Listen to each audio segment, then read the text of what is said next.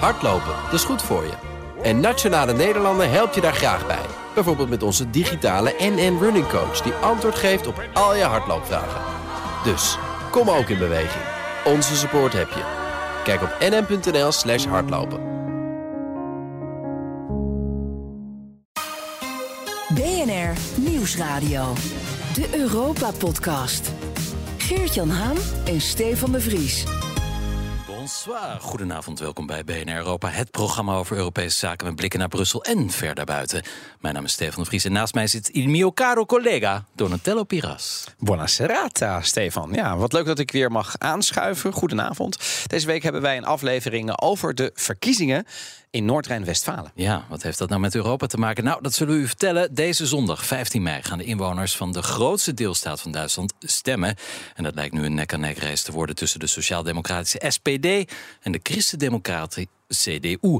In de peilingen is het stuivertje wisselen en elders in Duitsland gaat het ook steeds tussen de- deze twee partijen. Ja, en meer naar het zuiden. In Saarland kwam de SPD van Olaf Scholz met een ruime meerderheid de stembus uit. Maar vorig weekend in Sleeswijk-Holstein vond het CDU met een marge.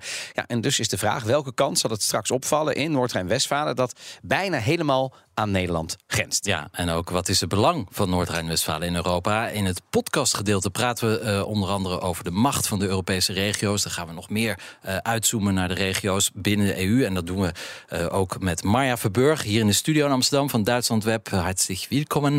En, Dankeschön. ja, En verder hebben we ook nog Otto Frieke, politicus van de Vrije Democratische Partij, de FDP. En die is aan de lijn vanuit Duitsland. Goedenavond. Äh, Buonasera, einen mooie Abend en einen schönen Sommerabend aus Berlin. Ja, dank je. dank je. Voordat wij verder gaan, heeft Stefan, je hebt nog een nummer 1 hit gekozen uit Ja. één van de lidstaten. Dat is een raadplaat, was dat vorige week voor mij. Ja. Wat voor nummertje heb je deze Nou, week? luister maar.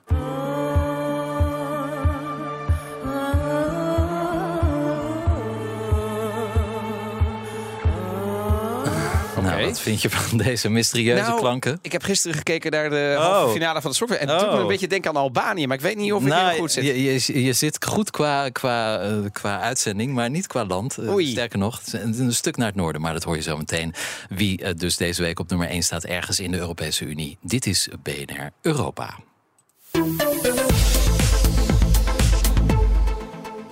Ja, in de eerste Europese week, Stefan, afgelopen week waren er veel ontwikkelingen in de EU. Ja, zeker. Meer dan genoeg. Het allereerste, eh, misschien wel het belangrijkste, dat de EU-lidstaat Finland en ook een klein beetje Zweden nu toch echt stappen zetten richting een NAVO-lidmaatschap. Ja, volgens de Finse Defensiecommissie is er een lidmaatschap de beste manier om de veiligheid van het land te waarborgen. Maar dat is toch een schil contrast met hoe dat vroeger was. Finland Ja. liep niet altijd zo warm voor Nee. een NAVO-lidmaatschap. Maar nu, met de oorlog en de situatie in Oekraïne, lijkt dit nu toch de beste optie. En ja, het is op zijn minst opmerkelijk te noemen, toch? Zeker, jij zegt vroeger, maar vroeger is eigenlijk begin februari. Januari dit jaar Ja. en alles daarvoor. En alles daarvoor, ja, Ja. nog heel kort geleden. Eh, inderdaad, een grote eh, wisseling eigenlijk van, van mening. Eh, Finland was natuurlijk vroeger hoor- hoorde bij Rusland, het grote Russische Rijk. Had Precies. een hele lastige verhouding met eh, de buren. Ehm, meer dan duizend kilometer grens ook. Dus ze zijn altijd wat huiverig. Maar nou, ook dat- omdat Rusland het natuurlijk pertinent niet wilde. hè. Nee, Dat- dat- precies, En, ja. en daar ook heel expliciet in is geweest. Absoluut. We deden nu maar een paar honderd kilometer eh, de NAVO met, met Rusland. Maar als Finland erbij komt, wordt het bijna, eh, bijna 2000 kilometer. Dus, dus echt een grote stap. En ja, ook Zweden volgt mogelijk. En die aanvraag zou officieel worden ingediend tijdens de NAVO-top in Madrid. Eind volgende maand, in juni. Daar zijn we ook bij als BNR Europa. Ehm, dus ja, interessante ontwikkelingen op dat gebied. Ja, nogal inderdaad. En ik ben benieuwd, want ehm, ja, eh, dan kun je lid worden natuurlijk. Ja.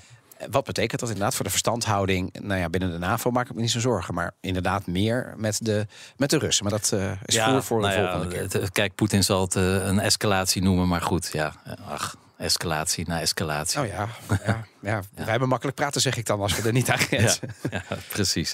Nou, voor het volgende eh, punt maken we een kort uitstapje buiten de grens van de Unie. In Noord-Ierland, daar gaan we naartoe, zijn ook verkiezingen geweest. Oh ja. En die zijn gewonnen door de partij Sinn Féin, die afstand, afsta- afstamt van wat vroeger de IRA was. Een, een paramilitaire, ja, ook wel verantwoordelijk voor terroristische aanslagenorganisatie in, in Ierland. En in, in, in Noord-Ierland, moeten we zeggen. Ja. Ehm, dus dat is ook een, een, een behoorlijke verschil verschuiving daar. Ja, nogal inderdaad. Want de IRA, die, die, die, hè, dat was natuurlijk inderdaad, nou ja, inderdaad een terroristische organisatie. Ja. Veel aanslagen had dat geweest. Bloedige jaren, 80, 90. Ja. Nou, de politieke tak, Sinn Féin, hebben twee zetels meer gehaald dan de DUP, de Democratic Unionist Party. En die partijen die verschillen nogal van elkaar. Ja. Sinn Féin wil dat Noord-Ierland van het Verenigd Koninkrijk afsplitst en weer onderdeel wordt van Ierland. Het grote Ierland zien zij voor zich. Dan zijn, hè, dat zijn de Republicans en de DUP, ja, die zijn natuurlijk meer gericht naar het Verenigd Koninkrijk. En die willen daarbij blijven horen. En dat heette dan de Unionists. Ja, precies. Nou ja, die, die- dat is dus de strijd hè, waar ook de, de, de quarrels over gingen. Eh, jarenlang een, een gebroos vredesbestand tussen die twee delen, al jarenlang. Maar nu door Brexit natuurlijk staat het allemaal weer op scherp. Eh, de DUP was uiteraard niet vrolijk na de uitslag. In Noord-Ierland moeten de grootste en de ene grootste partij met elkaar in zee gaan. En de DUP heeft al aangegeven dat ze weigeren, eh, tenzij het Noord-Ierland Brexit-protocol wordt aangepast. Nou, de- de- Londen heeft aangegeven dat ze dat misschien wel willen. En eh, ja, dat, dat protocol, hè, dat hadden we bedacht, omdat Noord-Ierland natuurlijk eh, fysiek eigenlijk in de EU ligt, maar Ja. ja. eh, niet vastzit aan Groot-Brittannië. Eh, dat gaf Noord-Ierland nog wat eh, ruimte om met de EU te onderhandelen. Nou, Westminster gaat daar dus in mee, maar de EU zit daar echt niet over te, op Nee. te wachten. Ja. Nee, en dit is natuurlijk ook in de Brexit-onderhandelingen natuurlijk Ja. uitvoerig ter sprake geweest. Ik bedoel, we hebben het heel lang over backstops gehad. We Ja, hebben het heel lang. precies. Kortom, dit is een heet hangijzer. Ehm, en wij volgen dit natuurlijk vanuit met onze Europese blik, weliswaar, Stefan, maar wel vanuit Amsterdam, Nederland. Als je daar zit, dan is het natuurlijk wel gewoon menens. Ja, Dus, natuurlijk, absoluut. Eh, de, de- want de, er, er loopt nog steeds een, een, een muur door Belfast. En zoals vroeger in Berlijn, die de protestanten en de katholieken scheidt. Het is echt niet voorbij. We dat hebben het er bedoel niet ik. vaak over. Nee, maar ja. het is een gespannen toestand eh, daar. En, ehm, ja, en dan dat Brexit-protocol. Het is volgende maand al zes jaar geleden dat het referendum plaatsvond in, in Groot-Brittannië. Brexit means Brexit. Ja, en we hebben het er nog steeds over. Ja, Nou nou, nou, ik denk dat eh, corona wel een beetje voer, eh, voor, eh, roet in dat eten heeft gegooid. Ja. Gaan we nog even naar Over het laatste. corona gesproken. Ja. inderdaad. Ja. We hebben natuurlijk heel veel maatregelen, heel lang. Ja. In Nederland al heel vroeg afgeschaft natuurlijk. Dat, daar zijn we van. Ja. Maar toen ik eh, eh, niet zo lang geleden nog naar Berlijn vloog... Ja. moest hij natuurlijk, hè, het Ja. FFP, eh, FFP2 Ja. moet gewoon op. Vanaf volgende week geen mondkapje meer op in de Europese vliegtuigen... en op de Europese vliegvelden. ja. Dat Nou, is nieuws. Eindelijk, ja. Vorige week was ik ook nog in, eh, in Italië. Toen moest je ook dat FPP2-masker op. Ja. Absurd. In Nederland dus eh, hoefde, hoefde Ja. dat weer niet. In, Nee. de, in de treinen naar Frankrijk moet je nog wel mondkapje. Ja, want hoe zit het in Frankrijk? Want kijk, het, het, het lijkt nu net alsof een soort laatste reliquie van de maatregelen nog overeind Ja. blijft. Maar in de sommige lidstaten is dat nog steeds Nee, gewoon. ja, nou ja, eh, in Fra- en ik zie Mario ook nog knikken, toch? Ja. Ja, in Duitsland moet je in het openbaar vervoer ook gewoon een eh, Ja. mondkapje Nou, in- Ik was vorige week in Oostenrijk daar ook. Daar Ja. ook. Nou, in Frankrijk tot en met maandag nog in het openbaar vervoer, mondkapje. Eh, maar ook daar dan afgeschaft. En dus ja, niet meer in, op de luchthavens en in de vliegtuigen. Dus het is toch echt wel een groot Verschil. En ik ben daar heel blij mee, maar dat toch nog even een Ik beetje een, een vraag.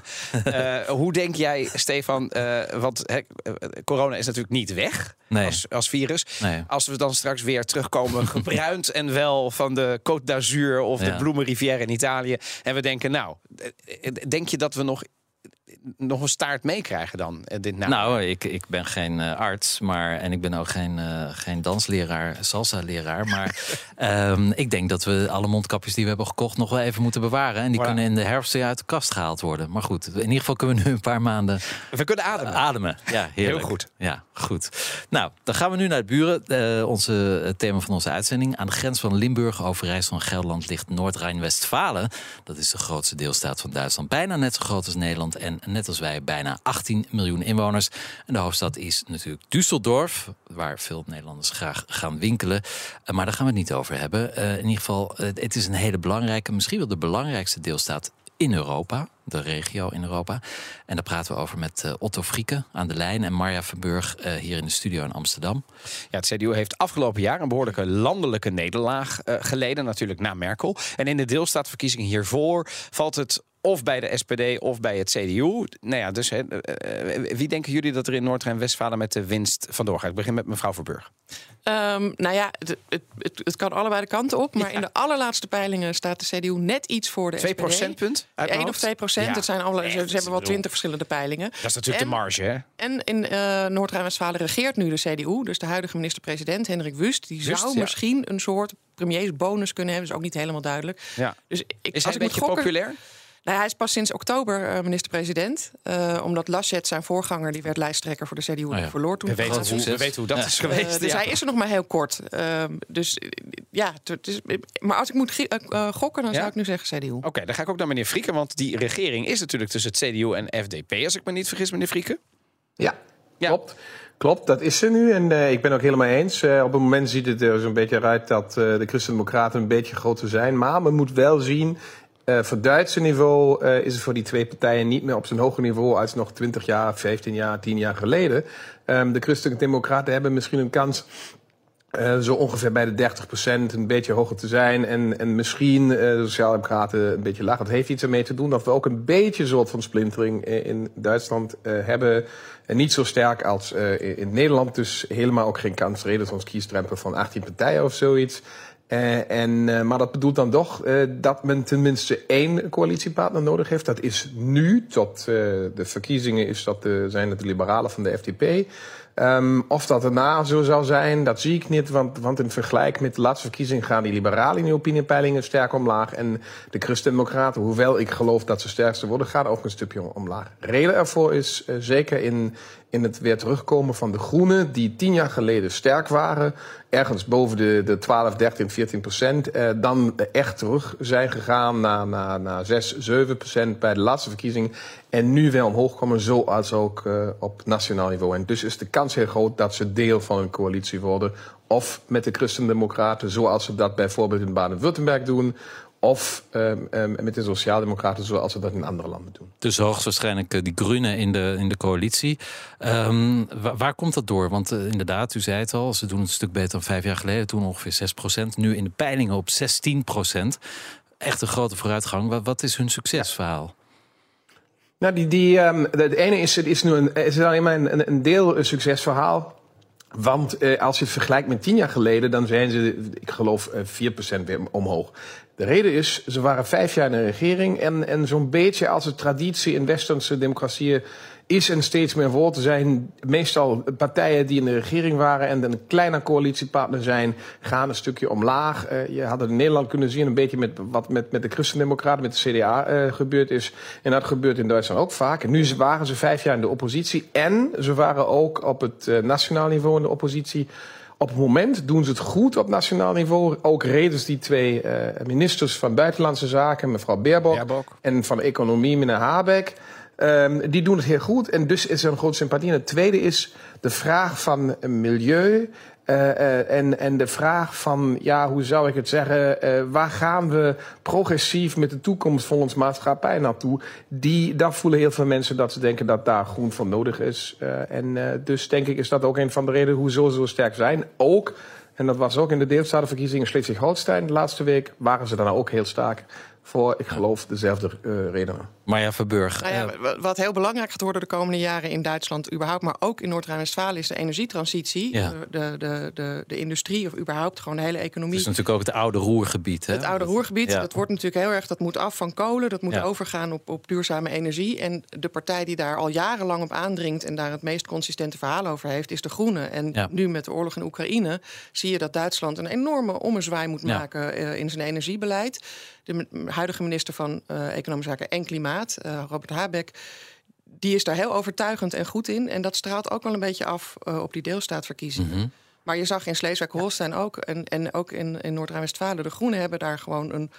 Ja, die, die roepen dat al jaren. Die hebben daar nu geen Ja. politieke argumenten voor. En dat, eh, daar hebben ze profiteren. Het is een beetje I told you so. En Ja. dan krijgen ze de credits. Ja. Ja. Ja. Eh, we hebben het er natuurlijk over. Ehm, meneer Frieken, waarom zou het eigenlijk iedereen in Nederland moeten aangaan, interesseren? Wie er in een Duitse deelstaat de verkiezingen wint? Kortom, waarom is Noord-Rijn-Westfalen zo belangrijk voor ons?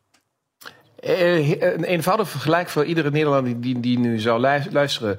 Eh, denk eens, eh, Noord- en Zuid-Holland eh, was buiten Nederland. Ja, dan kun je zien wat het bedoelt als Noord- en Westfalen buiten Duitsland was. Eén. Twee, de economische relaties van Noord- en Westfalen eh, in alle richtingen zijn zo heel sterk. Ook natuurlijk heel sterk in richting eh, Nederland. Als, als er geen Duitsland was, maar alleen maar Noord- en Westfalen was, toch wel weer eh, Noord- en Westfalen de, de grootste handelspartner van Nederland. En De grootste dus handelspartner daar van Nederland. ja. En da daar kun je dan heel snel zien uh, hoe belangrijk het is. Dus, dat is de relatie met Nederland. Tweede is binnen Europa. Men moet zien dat uh, die, die oude industriële geschiedenis van het Roergebied uh, uh, ja, daar is nog heel veel uh, ja, oude geschiedenis. Maar echt is er niet alleen maar industrie in het Roergebied. Maar dan moet je ook de zogenoemde Rijnschiene. Dus de steden van noorden naar zuiden. Düsseldorf, Keulen, Bonn moet je er mee zien. En dan heb je echt heel veel ook in de dienstsector waar het omhoog gaat. De, de grootste Japanse kolonie, zeg, zo kan je zeggen, is in Düsseldorf. En dan zie je ook, dat is niet meer alleen maar het oude Roergebied daar is Noord-Rijn-Westfalen dan toch echt, ja, ik zou zeggen het powerhouse. Uh, uh, zeker niet het modernste powerhouse. Daar hebben we nog vele oude vragen. Maar toch, toch qua cijfers uh, zijn we daar toch heel, heel sterk. Ja, Marja Verburg, op welke manier zal de Europese Unie deze uitslag gaan voelen of interpreteren? Nou ja, of nou de SPD of de CDU wint, dat maakt in principe voor, voor grote Europese politiek niet zo heel erg veel uit. Waar het natuurlijk wel invloed op kan hebben. En dat is uh, de, de, verhoudingen binnen de coalitie in Berlijn. Dus op het moment, de Groenen doen het nu heel erg goed. De FDP heeft de afgelopen verkiezingen gewonnen. Dat, je kunt je voorstellen dat dat uh, binnen de regeringscoalitie in Berlijn mm -hmm. uh, nou ja, ook wel invloed heeft op wie zich daar groot maakt of wie zich daar ietsje kleiner moet maken. En als de SPD wint, is dat heel erg gunstig voor Scholz. Ja. Die doet het de laatste tijd niet zo goed in de opiniepeilingen, nee. de kanselier. Um, dat heeft natuurlijk te maken met het redelijk wijfelende beleid. Dat ja. na de grote Zuidenwende toch een beetje uh, afleek te zwakken. Als de CDU wint, is dat weer heel erg goed voor uh, Friedrich Merz, de, de, landelijke leider van de CDU, dus de oppositieleider in Duitsland. Um, maar voor Europa zal dat niet direct hele grote invloed hebben. Wat wel belangrijk is, is dat Noord-Rijn-Westfalen uh, economisch sterk blijft. Dat mm -hmm. was heel lang ging het daar helemaal niet zo goed mee. De afgelopen vijf jaar onder de regering van CDU en FDP is dat wel de goede kant op gegaan. Um, dus nou ja, dat zou belangrijk zijn dat dat ja. zo blijft. Ja. ja. als we gaan kijken. Mag, hè, mag ik, ja, ja, meneer Frieken. Ja, meneer Frieken. Mag ik eventjes een, een, een, een, Ik ben een beetje oneens, een beetje. De reden is. Um, ook weer eerst een beetje aan de Nederlandse luisteraar te verklaren. En de reden hoezo deelstaten belangrijk zijn, is dat ons zogenoemde eerste, ka ons eerste Kamer, de zogenoemde Bundesraad, waar niet uh, die mensen worden gekozen, maar waar die regeringen van de deelstaten binnen zitten met stemmen. En dus met sterke stemmen ook van Noord-Rijn-Westfalen. Dat is een heel belangrijke Kamer, daar moet je doorkomen. Heb je diezelfde discussie in Duitsland, op het moment al, en zeker dan ook later, um, als nu de Nederlandse regering in de vraag van begroting heeft te, te zien, hoe krijg ik dan in, in de andere Kamer, in de Bundesraad bij ons, in de Eerste Kamer in Nederland, een meerderheid. En het tweede is dan, het is een vraag voor Europa, denk ik dan toch wel. Want als iemand als Scholz de hele tijd moet kijken hoe hij dan met een andere meerderheid, een sterkere christendemocratische meerderheid, moet vechten over de vraag van modernisering, over de vraag van milieu, over de vraag welke soort van uh, belastingen zijn, dan is dat voor hem niet eenvoudig, want dan moet hij daar vechten en kan dan binnen Europa niet zijn positie zo eenvoudig vinden als bijvoorbeeld misschien uh, de meer gecentraliseerde Franse uh, president. En daar zit dan een vraag die voor Europa van belang zijn kan op middellange termijn. Ja, als we dat vanuit Nederland bekijken, hè, hoe kijken wij naar Duitsland de afgelopen jaren? Ja, we konden niet anders dan Angela Merkel zien. Dat was natuurlijk de, degene die heel lang natuurlijk als, als boendeskanslerin daar heeft gezeten. Nu is dat Scholz. Maar, um, en, en, en de CDU heeft, en, dat, dat, heb jij zelf ook gezegd, maar eh, een gevoelige tik en een nederlaag echt geleden. Maar wat je nu ziet gebeuren is, eh, moeten we dit zien dat de, de, de ergste nederlaag geleden is? Dat als, als straks Noord-Rijn-Westfalen, is dat dan goed voor de CDU en slecht voor nou, laten we zeggen, het imago van Scholz en in Duitsland en misschien ook in Europa. Want we horen Macron, we horen Draghi. Scholz hoor ik niet zo vaak. Nou ja, dat is wel een van de klachten die je internationaal inderdaad hoort. Dat, uh, maar dat staat even los van de verkiezingen in Noord-Rijn-Westfalen. Dat Scholz daar toch wat terughoudender is. Uh, zijn positie is ook echt heel lastig. Want vooral in zijn partij, de SPD, daar wordt het op zich wel gewaardeerd dat hij voorzichtig is. Uh, voorzichtig handelt Zeker. in de Oekraïne-oorlog. Ja. als je kijkt naar, naar de, de, stemming in Duitsland, de, de helft van de, ongeveer 45% van de Duitsers is voor levering van wapens aan, aan Oekraïne, maar ook 45% tegen. Dus hij schippert daar heel moeilijk. Uh, Merz, de oppositieleider van de CDU, die moet daar natuurlijk ook zijn weg in vinden. In eerste instantie steunde hij heel erg die Zeitenwende, dus de, de politieke ommekeer die, die Scholz uh, eind februari heeft aangekondigd. Maar hij probeert daar natuurlijk ook wel weer afstand van te nemen en zijn eigen koers te varen. En het is natuurlijk voor de CDU gunstig als in het grote Noord-Rijn-Westfalen de partij daar ook uh, aan de macht blijft, zoals ze was. Ja, uh, meneer Frieken zei het net al. Nederland is de grootste handelspartner van Noord-Rijn-Westfalen. Um, Je zou zeggen, we zouden meer met ze kunnen integreren. Een, tijd geleden was er sprake van dat Noord-Rijn-Westfalen misschien zou toetreden tot de Benelux. Um, hoe staat het daarmee, meneer Frieken? Ja, ik geloof, ik, kijk eens, ik, ik ben nu in de politiek uh, als lid van de Bondsdag uh, sinds in 2002. Uh, verschil met Nederland hier in Duitsland gebeurt het vaker, dus ik ben niet iets bijzonders daar. Maar dat doet wel. Dat u het ja, zo lang volhoudt, nee, bedoelt u. u. u? bent nog ja, niet afgesplitst. Ja, ja. Ik, ja, nee, dat doen we dan niet. Maar weliswaar was ik redens ons kiestrempel 2013 was mijn partij buiten het parlement. Ja. En, en kwam dan weer terug. Maar oké, okay. maar waar ik naartoe wil is, ik zie dus al die minister-presidenten van Noord-Rijn-Westfalen en hun relatie met de Nederlandse minister-president, met het land Nederland en, en, en. En daar kan ik zien dat over de laatste twintig jaar die verschuiving toch steeds meer in richting van. Ja, wel, eh, Noord-Rijn-Westfalen is een deelstaat, maar we Nederlanders, België en ook Luxemburg, we weten wel, als we met, de, met Noord-Westfalen sterker samenwerken en eenvoudiger samenwerken, dan is het goed voor elkaar. En als het goed voor elkaar is, dan gaan we het ook doen. Maar als ik, als u deze vraag, als ik een antwoord geef van ik vind het goed dat we meer Benelux met NRW doen, en dan hadden heel veel Nederlanders gezegd, ja nee, kijk eens, wij, wij zijn de Nederlandse natie, het Koninkrijk, jullie zijn een deelstaat, dat doen we niet. Ja. Dat is helemaal voorbij en dat vind ik heel goed. Um, want we moeten realiseren dat die buurmensen in het Westen voor ons echt belangrijk zijn, ook om te zien waar gaat ma maatschappij naartoe?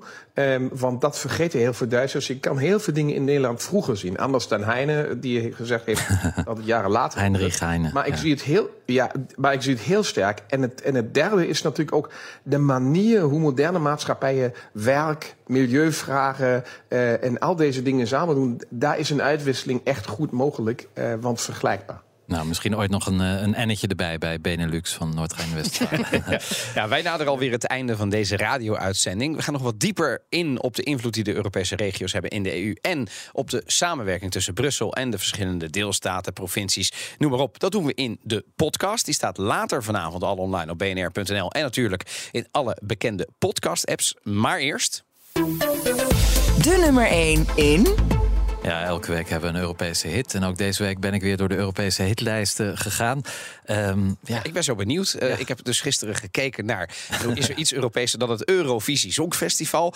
Misschien zit hij erin. Ik heb een gokje gewaagd. Albanië, je hebt al verklacht dat het Ja. niet goed was. Ik moest meer naar het noorden. Ja, dat klopt. Nou ja, je hebt, je hebt het al gehoord. Maar inderdaad, ik ben blij trouwens dat jij ook naar het Eurovisie Songfestival kijkt. Want, kijk, want ik ben ook uit, al een grote liefhebber. Um, maar goed, dat kon je vroeger niet zeggen, nu wel. Het is weer helemaal salonveeg. Ja, het is helemaal is weer salonveeg. helemaal, ja. Maar, um, dus nou ja, dit, ik koos dit.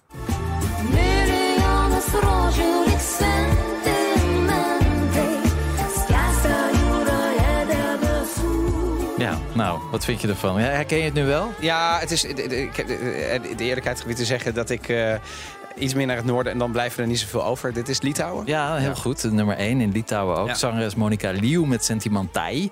Uh, ook de inzending dus van Litouwen voor het Eurovisie Songfestival. En door naar de finale aanstaande zaterdag in Turijn. Ga je nou ook weer kijken, Donatello? Ja, ik ga zeker kijken. Okay. Ja, uiteraard. Nou, nou, ja, het is in Italië. Ik maak ook nog een Italië-podcast, dus ik moet, al zou ik niet willen. Maar ik vind het ook heel leuk. Ja, ik vind het ook hartstikke leuk. Nou al die tophits die staan in een speciale lijst op Spotify. Volg ons daar. Even zoeken op BNR nummer 1. En reacties op dit programma zijn welkom per mail op europa.bnr.nl of via Twitter op BNR Europa. Volgende week dan ben ik er weer bij op woensdagavond 7 uur hier bij BNR. Weer samen met jou, Stefan. Gezellig. Ja, ik kijk er naar uit. A presto. A la prochaine.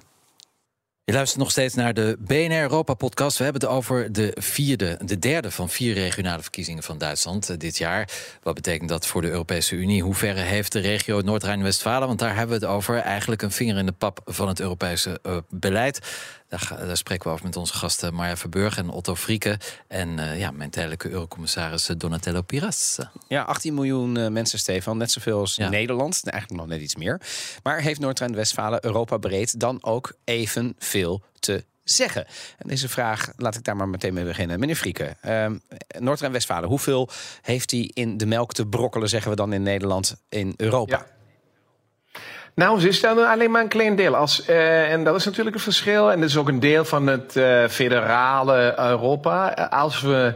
Um, als, uh, en de, die Bayern bij ons die, die proberen dat vaak te zeggen. We kunnen ook zonder Duitsland, want dan zijn we binnen Europa veel, veel sterker. Dus in vergelijking met de economische macht en ook met de vraag van de cijfers van inwoners, zijn we binnen Europa eh, ja, letterlijk uh, uh, sterk, maar qua democratie zwak. bedoeld, daar zijn we alleen maar deel van, van, van Duitsland met die stemmen dan um, op, ook binnen de vraag van de commissie. Hè, dat een, een klein land heeft een commissar en, en een, een vier keer zo groot land heeft dan ook nu alleen maar één commissar. Ja. Um, dat, maar daar zeg ik dan ook wel, dat is in ons Duits denken is dat oké, want zo is het ook binnen Duitsland, ja. waar de deelstaten ook niet zo veel sterker zijn als ze iets groter zijn dan die andere deelstaten. Nee, mevrouw Verburg, hoe kijkt u ernaar? Ik bedoel, de, de, de macht in Brussel, wellicht in Europa, van een belangrijke lidstaat als Noord-Rijn-Westfalen. Ja, wat, wat de deelstaten hebben, wat Nederlandse provincies niet hebben, is dat ze allemaal een eigen vertegenwoordiging in Brussel hebben. En in die zin ook een hele grote lobby. Uh, en ook het Duitse bedrijfsleven, bijvoorbeeld de auto-industrie, heeft een enorm grote lobby in Brussel. Die hebben daar ook hun eigen gebouwen en mensen. Dus die hebben daar heel veel toegang tot Europese politici. Uh, en in die zin, al die Duitse deelstaten uh, um, voeren ook een eigen Europese politiek. Ja. Uh, en in Nederland, als je het vergelijkt met Nederland, ik bedoel, Nederland is natuurlijk gewoon als land in alle instituties vertegenwoordigd. Dus in die zin zou je niet kunnen zeggen dat Noord-Rijn-Westfalen belangrijker is dan Nederland. Ik bedoel, wij zitten in ja. onze ministers, onze minister-president, het Europees Parlement. Maar je moet je realiseren dat die deelstaten, en dan zeker de grote als en economisch belangrijkste Noord-Rijn-Westfalen, Baden-Württemberg, Beieren, Nedersachsen, die hebben een belangrijke stem via die vertegenwoordigingen en die lobby's in Europa. Hebben die eh, deelstaten ook een minister voor Europese zaken? Ja. Ja? Ja, okay. vaak wel gedeeld ook met andere posten. Maar ja, Oké. ja. En, en wat doet hij dan? Die, die, die... die houdt zich bezig met wat er in Europa gebeurt. En die voert gesprekken. En die zorgt ook dat. Uh, kijk, wat heel grappig is, de manier waarop Europa georganiseerd is. Dus de, de mhm. lidstaten die uh, zichzelf hun belangen moeten vertegenwoordigen uh, in Europa. En die onderling allemaal dingen moeten uitruilen. Zo werkt Duitsland ook. Ja. Deelstaten doen dat precies ook hetzelfde met de centrale regering in Berlijn. Ja. En in die zin is zo'n zo'n Europese minister probeert natuurlijk ook en via Berlijn en via Brussel invloed uit te oefenen. Ja, ja wij spraken eerder ook vandaag. Mag, mag ik even nog zeggen? Uiteraard. Maar even nog zeggen, het is ook een beetje zoals Nederland vroeger heeft gewerkt. Hè? Tot, tot Napoleon, tot de beroemde konijn dan kwam en de gecentralisering. En dat is ook een discussie die we binnen Europa altijd hebben. Hm. Hoeveel centralisering willen we hebben? De, de Fransen denken dan meer in centraliseringsideeën. En we zijn, en dat is helemaal juist, we zijn heel blij met deze manier van uh, ja, federale uh, uh, oplossingen in Europa. En dat is ook heel belangrijk om, om de regio's en de cultuur van de mens, mensen een beetje beter door laten. Ja, dat is wel interessant. Hè? Want in Duitsland, als je het hebt over Europa, de Europese Unie als een federatie, dan is niemand eigenlijk, staat niemand met zijn ogen te knipperen. Maar als je dat woord in Frankrijk noemt, dan is het echt de F-woord. dat mag je gewoon niet mhm. gebruiken in politieke kringen. Klopt helemaal. En daar zit het, daar, ja, klopt helemaal. En daar zit het grote probleem ook. Ook daardoor dat, dat, eh, dat het Groot-Brittannië weg is. Hè. Kijk eens, eh, aan de ene kant eh, eventjes nog te zeggen... voor de relatie tussen Duitsland en Nederland... was natuurlijk het, het, het brexit. Was, plotseling was, was Nederland nog belangrijker dan, dan vroeger voor, voor, voor, voor Duitsland. En ook in, in, in die andere manier. Het tweede is, daardoor dat uh, Groot-Brittannië er niet meer is... is de strijd over willen we meer een gecentraliseerd Frans-Europa... of meer een federaals, dan zeggen mensen Duits-Europa... die wordt sterker. En, en dat is altijd een probleem. En, en als je drie he, hebt die met elkaar dan uh, spreken over oplossingen, dan is het eenvoudiger. Maar soms winnen die twee, dan weer die andere twee. En Nederland heeft uh, sinds het rampjaar altijd gezien dat dat de beste diplomatieke oplossing is. Steeds met de twee en tegen die ene die je niet wilt. Ja, wij spraken eerder vandaag Eddie van Heijem. Die is van het comité van de regio's in de EU. Zij vertegenwoordigen meer dan 300 regio's uh, binnen de EU. Behartigen de belangen van provincies, van deelstaten op het hoogste Europese niveau. En wij vroegen hem in hoeverre regio's nu echt een vinger in de pap van dat Europese beleid hebben. De, lidstaten bepalen natuurlijk uiteindelijk in overwegende mate wel dus de, de, de, de rijkwijde van de Europese samenwerking hè, met elkaar. Maar wat je wel ziet is dat het belang van regio's en steden wel steeds nadrukkelijker wordt onderkend, ook in Brussel zelf. Omdat men ook ziet dat ja, je kan wel allerlei mooie dingen bedenken op Brussels niveau. Hè, op het gebied van klimaat, op het gebied van veiligheid, op het gebied van economische ontwikkeling. Maar vaak uh, worden die dingen niet uitgevoerd door de lidstaten, maar eigenlijk door steden en provincies en regio's. Um, die in de praktijk met bedrijven, met kennisinstellingen de dingen doen. Ja, mevrouw Marja Verburg, bent u het daarmee eens? Uh, ja, die regio's spelen een hele belangrijke rol. Uh, en ik denk dat, dat als je kijkt naar hoe dat, dat het in Duitsland ook wat bekender is en misschien wat vanzelfsprekender uh mhm. -huh. dan in Nederland. Wat ik overigens wel opvallend vind, is dat in het Nederlandse regeerakkoord nu ja. staat dat de samenwerking met regio's, en dan worden Noord-Rijn-Westfalen en Neder-Saxen uh mhm. -huh. met name genoemd, uh, prioriteit hebben. Dus we hebben daar ja. ook iets meer oog voor gekregen. Nou ja, wat je ook ziet op de websites van de Nederlandse provincies bijvoorbeeld, bijna op alle websites staat wel een, een, een rubriekje Europa. Die, die zijn er veel meer bezig dan, ja. dan de nationale Maar die hebben er ook wat te halen. Ja, precies. Is, er is geld waar ze... Ja. Ja. Otto Frieke, hoe zit u dat? Ja, nee, dat klopt. Uh, kijk eens, het probleem is, we moeten zien dat on, onze moderne manier om te leven ook bedoelt dat de rol van de overheid steeds sterker wordt. Dat mag ik nu als liberaal zeggen, vind ik niet zo mooi, maar de realiteit is dat we er heel veel dingen door de overheid laten organiseren. En dat bedoelt dan aan de, aan de andere kant natuurlijk ook, en dat was juist, wie doet dat dan? Wie is die ambtenaar die het doet? En dat is meestal iemand in, in, in de steden, in de provincies, meer op het lokale niveau, die dan zegt: Oké, als er schoolprobleem is, ga je, gaan we het daar daar organiseren. Daar is nog een beetje verschil uh, in de vraag wie is toestandig. En dan moet je nog één ding zien: in Duitsland uh, worden de burgemeesters gekozen. Dat is ook weer een deel van, van ons geschiedenis. En, en oh, overal worden burgemeesters gekozen, geloof ik. Maar niet in, behalve, alleen, behalve in Zambia en in, in Nederland, nee. geloof ik. Ja, ja en dan moeten we. Er verder geen waardeoordeel in. nee, zeker niet. Nee, nee, nee, nee, nee, echt waar. Ik zeg het waar. Ja, ja. En, maar dat bedoelt dan ook, dat bedoelt dan ook dat voor. Eh, ja, dan mag ik zeggen, Jan Modaal, eh, op Duits Otto Normaalverbruiker, dus uh, mag ik dat zo zeggen.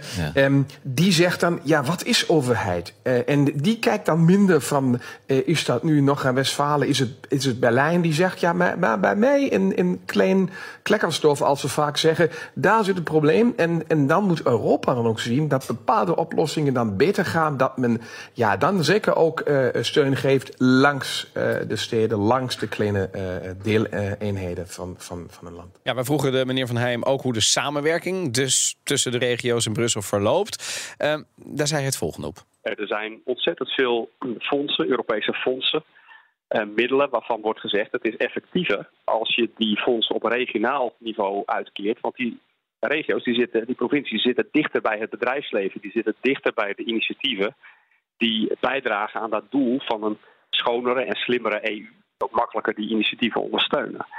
Dus eerlijk gezegd eh, ben ik daar eh, wel positief over. En vind ik dat Den Haag daar af en toe iets van uh, zou kunnen opsteken. Ja, en nou ja, dat is wat Van Heijm zegt. Hè. Den Haag zou daar wat van kunnen opsteken. Mevrouw Burg, kan Brussel daar ook iets van opsteken? De, de, de, die, die zeggen al dat is dicht bij de regio. Ik zou zeggen, het staat dus ook dichter bij de burger, niet alleen bij de bedrijven. Um, en, en weet de regio dan ook beter wat ze met die fondsen inderdaad moeten doen dan de landelijke regering? Nou ja, dat kun je je voorstellen. Aan de andere kant, het hangt ook van de regio af waartoe die in staat zijn. Uh, vorig jaar in Noord-Rijn-Westfalen en ook in Rijnland-Palt zijn er hele grote overstromingen geweest. En dat, heeft onder andere te maken. Ja. en, maar in, in, in die Duitse uh, deelstaten zijn er, ik geloof, 180 doden. Ja, ja zeker. Dat, dat, is nog vele malen heftiger. Een grote ramp. En dat bleek dus dat er bestuurlijk van alles en nog wat niet goed gaat. Uh, qua alarmsystemen, qua waarschuwingssystemen, qua maar ook qua onderhoud. En, qua onderhoud. dat is sowieso een Noord-Rijn-Westfalen probleem. Bruggen, snelwegen. Dus je moet, als je regio's hebt die geld krijgen, die moeten ook in staat zijn om, om goede politiek te voeren of goed beleid te voeren. Of in ieder geval, nou ja, daar heb ik geen oordeel over, over welke regio dat wel of niet kan. Maar dat speelt natuurlijk ook een rol. Ja, meneer Frieken? Ja, helemaal eens. Daar zit ook het grootste probleem voor Duitsland. Als je had gekeken naar die onweer en, en die doden in Duitsland... en aan de andere kant had je dan gezien hoe, wat in, in, in Zuid-Limburg gebeurde... had je kunnen zien dat, dat die oplossingen daar eenvoudiger en, en, en beter waren. Um, en waar ligt dat geloof, Um, Beleid, gewoon nou, hoe je het uitvoert. Ook daar gaan we echt naar, dan gaan we naar een Duits probleem. Hè. We Duitsers zijn heel goed uh, met nieuwe wetten. Maar dan, um, dan ook te zeggen, door dat wet gaan we dan dit of dat doen. Uh, kijk eens, we hebben autobaanbruggen nu, nu waar we weten dat we de komende tien jaar... mag daar niemand lang rijden, want we hebben heel, veel te lang tijd nodig... om, om die weer, weer nu op te bouwen. Zelfs in die, die regio waar, het, waar het hoge water was en de bruggen weg zijn... Ja. discuteert men nu dat een vier jaar, jaar lang proces moet komen... voordat we weten welke soort brug dan voor milieu, mensen en, en, en het best is. En daar zit een echt probleem.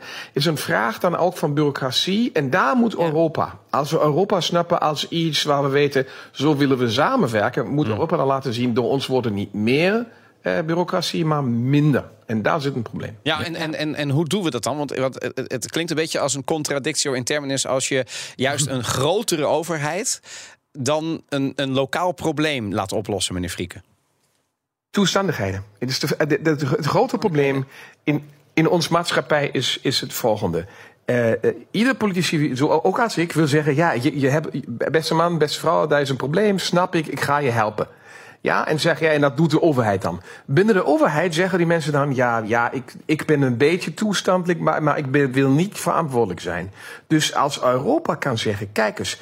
Daar gaan we binnen. Dat is iets wat voor Europa van zo hoog belang is dat wij A betalen en B het dan ook, ook de besluit doen. En niet wachten tot ambtenaar A, B, C samen met, met eh deelstaatambtenaar EFG en, en, en federale ambtenaar HIJ het doet. En dan nog vraag doet in daar en daar. Daar zit die oplossing. Te zeggen, oké, en dat is ook een stapje natuurlijk voor Europa, vind ik. Maar daar dan te zeggen, dat is Europa, alleen maar Europa en alleen maar de Europese ambtenaren A, B en misschien nog C. Maar dat was het dan. Ja, maar uiteindelijk is het ook een Duits probleem. Ehm, Duitsland trekt al jaren ontzettend veel geld uit voor betere digitalisering. Er gaat heel veel eh, geld naar de zullen we daar deelstaten. het- ja. Ja, maar die, die, die deelstaten moeten dat dus uitvoeren. Ja. Daar gaat het dan vaak al mis. Eh, inderdaad, van wie is verantwoordelijk, wie gaat wat doen. dat dan komt ook omdat nog ze nog geen e-mail hebben erop- daar. Dus ze- ze kunnen elkaar niet op de hoogte krijgen brengen. Het niet. Maar ook gewoon wie de kabels door de grond Ja. trekt naar de huizen. Daar, Ja. daar gaat op zoveel niveaus wat mis. Dus dan kan je wel zeggen, Europa moet wat doen. Maar je moet als land ook zelf Ja. zorgen dat je, dat je bestuur en de manier waarop het uitgevoerd wordt in orde is. Ja, we hebben het vorig jaar uitgebreid gehad over die eh, politieke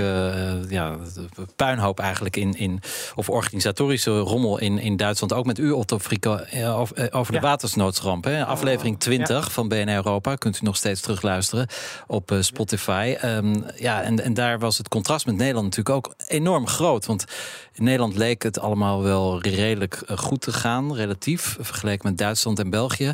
Ehm, Maar wat mij toen ook opviel, was dat er eh, er werd toen een bezoek gebracht door twee ramptoeristen, die ook aan het hoofd staan van dit koninkrijkje, eh, Willem-Alexander en Maxima. en die gingen alleen naar Valkenburg. Eh, Valkenburg ligt op de grens. Aan de Gul ligt aan de Gul. en, en, en ze zetten niet eens één voet over de grens om, om, om hun medeleven te betuigen met de buren. Is dat niet heel kenmerkend van hoe wij eigenlijk met elkaar nauwelijks samenwerken? Nou, ik moet zeggen, nu weet ik in de achtergrond wat de völkerrechtliche redenen zijn, hoezo ze dat niet doen. Eh, maar ook daar moeten we een beetje vanaf. En daar, daar zijn die eh, regio's, eh, eh, bij ons zeggen we vaak dan EU-regio's, eh, typisch Duitsland bij af, eh, die zijn voor ons dan heel veel ja. belangrijk. Daar, daar, daar zit dan, daar moet de, de burgemeester van het kleine steedje, steedje aan de, aan de oostelijke kant met de burgemeester aan de westelijke kant heel snel kunnen praten. Of in- van mijn eigen stad, ik kom vanuit Krefeld, we zitten Ja. daar ook in een eh, regio nog Maas. Die spreekt dan met de burgemeester van Venlo en zegt: Oké, kijk eens, hoe gaan we dit doen als, als daar een probleem in Venlo is met, met gietbuien die zo sterk zijn? Bel me dan of bel ons Ja.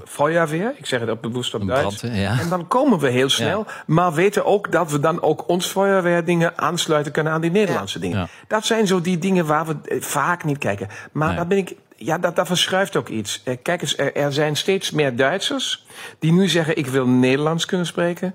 En, en, en dat is ook een bedoeling in, in nieuwsgierigheid wat aan, aan, de, eh, aan de westelijke grens gebeurt. Vroeger was het meer van: ja, ja, daar is de, de westelijke land eh, Nederland of is het Holland? Nee, niet zo belangrijk. Ga ik maar naartoe. Die spreken al Duits en dat was het dan. Ja, en, en dat, dat, nu nu dat is het zo dat wij verdwijnt. steeds minder Duits. Dat is dan weer aan het Ja. verdwijnen aan de westelijke kant. Ja, Tot grote treurnis van velen hoor. Laten we dat voorop stellen. Marja? Nou, ehm, wat je ziet, kijk, in het grensgebied wordt heel veel samengewerkt. eh, ook dus politie, eh, zowel in Nederland als in Duitsland, die elkaar snel kunnen waarschuwen Ja. met achtervolgingen. Of, of dat dan de andere politie het over kan Ja. nemen als het grens overgaat. Brandweer, ziekenhuizen, zorg gebeurt al heel veel. Maar wat ons is opgevallen bij het Duitsland Instituut tijdens de coronacrisis. ehm, toen corona kwam, de Nederlands-Duitse grens is de hele periode open geweest. Die is niet, Duitsland heeft een aantal grenzen met andere landen gesloten. Klopt. Eh, in Nederland is dat niet gebeurd, maar feitelijk, door de maatregelen, konden mensen, vooral in het grensgebied, niet zomaar de grens over. Nee. En dat leidde tot ongelooflijk veel problemen. Dus mensen die in Nederland wonen en in Duitsland werken, of andersom, of die hun kinderen net over de grens wonen, of een opa en oma. Want die grens bestaat eigenlijk niet voor die mensen. Die grens bestaat niet en die was er opeens weer. En op een gegeven moment eh, eh, eiste Du- Duitsland dat mensen die daar kwamen werken zich moesten laten testen. Toen heeft het ongeveer geloof, drie weken geduurd voordat Nederland testcentra heeft ingericht. Wat in de coronacrisis bleek, uh, is dat aan de ene kant, want er is toen heel erg snel een, een, um, een cross-border taskforce opgericht, zoals de Duitsers dat toen genoemd hebben. Nederland, Duits, uh, Nederland Noord-Rijn-Westfalen, uh, Neder-Saxen en wat Vlaamse Vlaanderen. Die zijn toen gaan samenwerken om die problemen op te lossen. Maar in de praktijk bleek dat zowel Den Haag als Düsseldorf, het regeringscentrum van Noord-Rijn-Westfalen, te ver weg lagen van het grensgebied om die problemen ook echt adequaat aan te pakken. Ja. daar is echt best wel veel misgegaan. En je kunt zeggen, er gaat ook heel erg veel goed. Er zijn steeds meer contacten. -huh. Maar ik vond die coronacrisis. Nee, hebben wij ons ja. echt over ja. verbaasd hoe, hoe, hoe ingewikkeld dat in de praktijk maar, dan maar, toch maar nog dat, is. Dat zagen we natuurlijk met alle grenzen. Hè? Dat was eigenlijk de eerste reflex. Coronacrisis. Iedereen gooide de grenzen dicht. Op de grens van, ik kom uit Zeeland, uh, op de grens van Zeeuws-Vlaanderen en België stonden containers midden op de weg om, Ja, om de Nederlanders tegen te houden. En die grens is volgens mij in, sinds de Spanjaarden niet meer dicht geweest. Nee. En, en, dus dat is de reflex. Toch weer die nationale. Maar op een gegeven moment kwam Ja. dan die thuiswerkwet. Ja. En dan waren dus Nederlanders die in Duitsland werkten... die moesten Ja. dan in Nederland thuiswerken. En daar- daar had ook sociaal verzekeringstechnisch... Nee. waren daar dan problemen. Ja. Of je dan uitbetaald kon Ja. worden. Nou, Maar dat goed, soort dat zijn- problemen. Da- dat Mag zijn, ik, dat mag zijn ik even zeggen, daar zijn, meneer even zeggen, daar zijn we ook op het moment in Duitsland met eh, eh, eh, ja, eh, bezig. Eh, we hebben de zogenoemde vraag van dubbele belasting, dus eh, Ja. Duits doppelbesteuring. En, en met, met het home office was er tussendoor een, een, een regel die, die functioneerde. En nu beginnen de mensen te vragen, ja, maar, maar, maar eh, hoe gaat het nu verder met, met de vraag thuiswerk of niet thuiswerk? En, en wanneer is welke soort van belasting waar? En hoe, hoe gebeurt dan een dubbele belasting of niet? En, en dat gaat verder. En, en, en ik ben helemaal eens. Op die moment waar iets anders gaat, proberen we, zijn we weer bang. En als je dan bang bent, dan ga je terug op het, op, op, op het kleinere, niet op Europees. En op daar zit, dat is iets waar we nog moeten snappen. Ja. eh, dat Europa daar een oplossing sneller moet geven dan eh het nationale parlement. Maar dan toch weer even terug naar die, die, die Europese oplossing. Ook met die coronacrisis, eh, maar die, die jij net aanhaalde. Als je daarnaar gaat kijken, wat ook in Nederland bleek... daar heeft bijvoorbeeld Hugo de Jonge, toen nog minister van, van, eh, van Volksgezondheid... eh, die wilde heel veel doen, maar wij waren decentraal georganiseerd in Nederland. Bijvoorbeeld met de GGD's. GGD, ja. En dus konden we vanuit Den Haag eigenlijk niet letterlijk bepalen. We Ja. konden het wel zeggen, maar het gebeurde niet. Nou, enorme frustratie. Kortom, als het ergens ver weg gebeurt in Den Haag... Dan willen, en je bent decentraal georganiseerd... wil het niet zeggen dat je in crisissituaties... overstromingen, pandemieën en zo... dat je het doet. Dat bleek dus bij een overstroming. Dat bleek wel... Ik zie dus niet helemaal in dat soort crisis... eh, eh, maar ja, hoe Europa daar juist voor meer doorzettingsmacht zou kunnen zorgen. Nee, ik denk dat je. eh, eigenlijk zou je dus een aantal dingen aan. bijvoorbeeld dat Nederlands-Duitse grensgebied over moeten Ja. laten. Dat die dan zorgen dat er testcentra komen. Of dat mensen wel of niet de grens over mogen. Of Want die kunnen dat wel kinderen, Die kunnen dat. En die zien ook om, om wie dat gaat. Dus, en bovendien, dat testen kost dan ook nog geld. Dus de kleine bedrijven die waren belachelijk veel geld kwijt. om hun medewerkers überhaupt over de grens te krijgen. Nou, dat kun je denk ik goed regionaal in zo'n grensgebied oplossen. De grote problemen, daar zou je dan landelijk geld of Yep. Europees geld tegenaan moeten gooien. Maar dat is natuurlijk per geval weer kijken. En dat, ja, dat is natuurlijk hartstikke ingewikkeld. Ja. Dus eigenlijk Maar, moeten we to- Ja, meneer Frieken. Gaat u Mag ik even zeggen, die, die oplossing was dan. En dat is het, over het, het mooie woord leiderschap. Wat een, een Duitser zo mooi op Nederlands mag zeggen, maar nooit op Duits. Want dan is het Führerschaft. Ja. Dat doe je niet. Ehm, maar leiderschap bedoelt dan ook, eh, en ik ben helemaal eens, die deelvragen van het praktijkenleven, die moet daar ook op, op, op, op het kleine niveau gebeuren. Maar Europa had moeten zeggen, kijk, zo, dit zijn de regels van de grenzen, geldig binnen Europa. En als dan eh, weer de beroemde burgemeester van Klein-Klekkerstof eh, op Duitse kant naar de burgemeester van Groot-Klekkerstof op Nederlandse kant zegt, hey, is dat niet de oplossing? Dan moet Europa zeggen, oké, als dat het probleem is, daar financiën voor nodig zijn, krijgen jullie, doe, doe maar. Dus eigenlijk, als ik het goed begrijp, moeten we eh, toe naar eh, sterke regio's en sterk Europa. En die, die, die nationale lidstaten, die kunnen we er eigenlijk helemaal tussenuit. eh. Dat zou ik Ja? ook niet voor Er zijn nog zoveel andere dingen die nodig zijn. Daar zie ik geen, geen gevaar. Oké, nou in ieder geval, eh, komende zondag dus de verkiezingen in Noord-Rijn-Westfalen. Ook belangrijk voor Nederland, ook belangrijk voor Europa. Dit was de podcast van BNR Europa. Delen met iedereen die in Europa geïnteresseerd is of dat zou moeten zijn. We danken onze gasten Marja Verburg in de studio in Amsterdam en Otto Frieke in Berlijn. En volgende week zijn we er weer. Dan hebben we het onder meer over, best een belangrijk vraagstuk, energie. Ja, precies. Voor nu bedankt voor het luisteren. Graag tot volgende week bij de Europa-podcast van BNR. à la prochaine. Ciao, ciao. Dank u wel, meneer Frieke. Vielen dank. De rien, monsieur, et à la prochaine. Ja, la prochaine. Ou à la, à la altijd. proxi- à la prossima. Alla prossima, Ah, grazie mille. Bis Altijd. nächstes Mal. Altijd een plezier om u te Ja. hebben. Dank u wel. Ja. Fijn- fijne avond. Maar ik zeg niet, ik zeg niet, goede nacht, vrienden. Nee. Ah, maar dat, nou, dat mag als u het zingt met de gitaar erbij. Ja, Was ich noch zu sagen hätte, dauert eine Zigarette Genau. und ein Ja. letztes Glas im Stehen. Ja, ja. ja. Tot de volgende keer, Oké. eh, meneer Frieken. Tot de volgende keer. Dag hoor. Hardlopen, dat is goed voor je. En Nationale Nederlanden helpt je daar graag bij.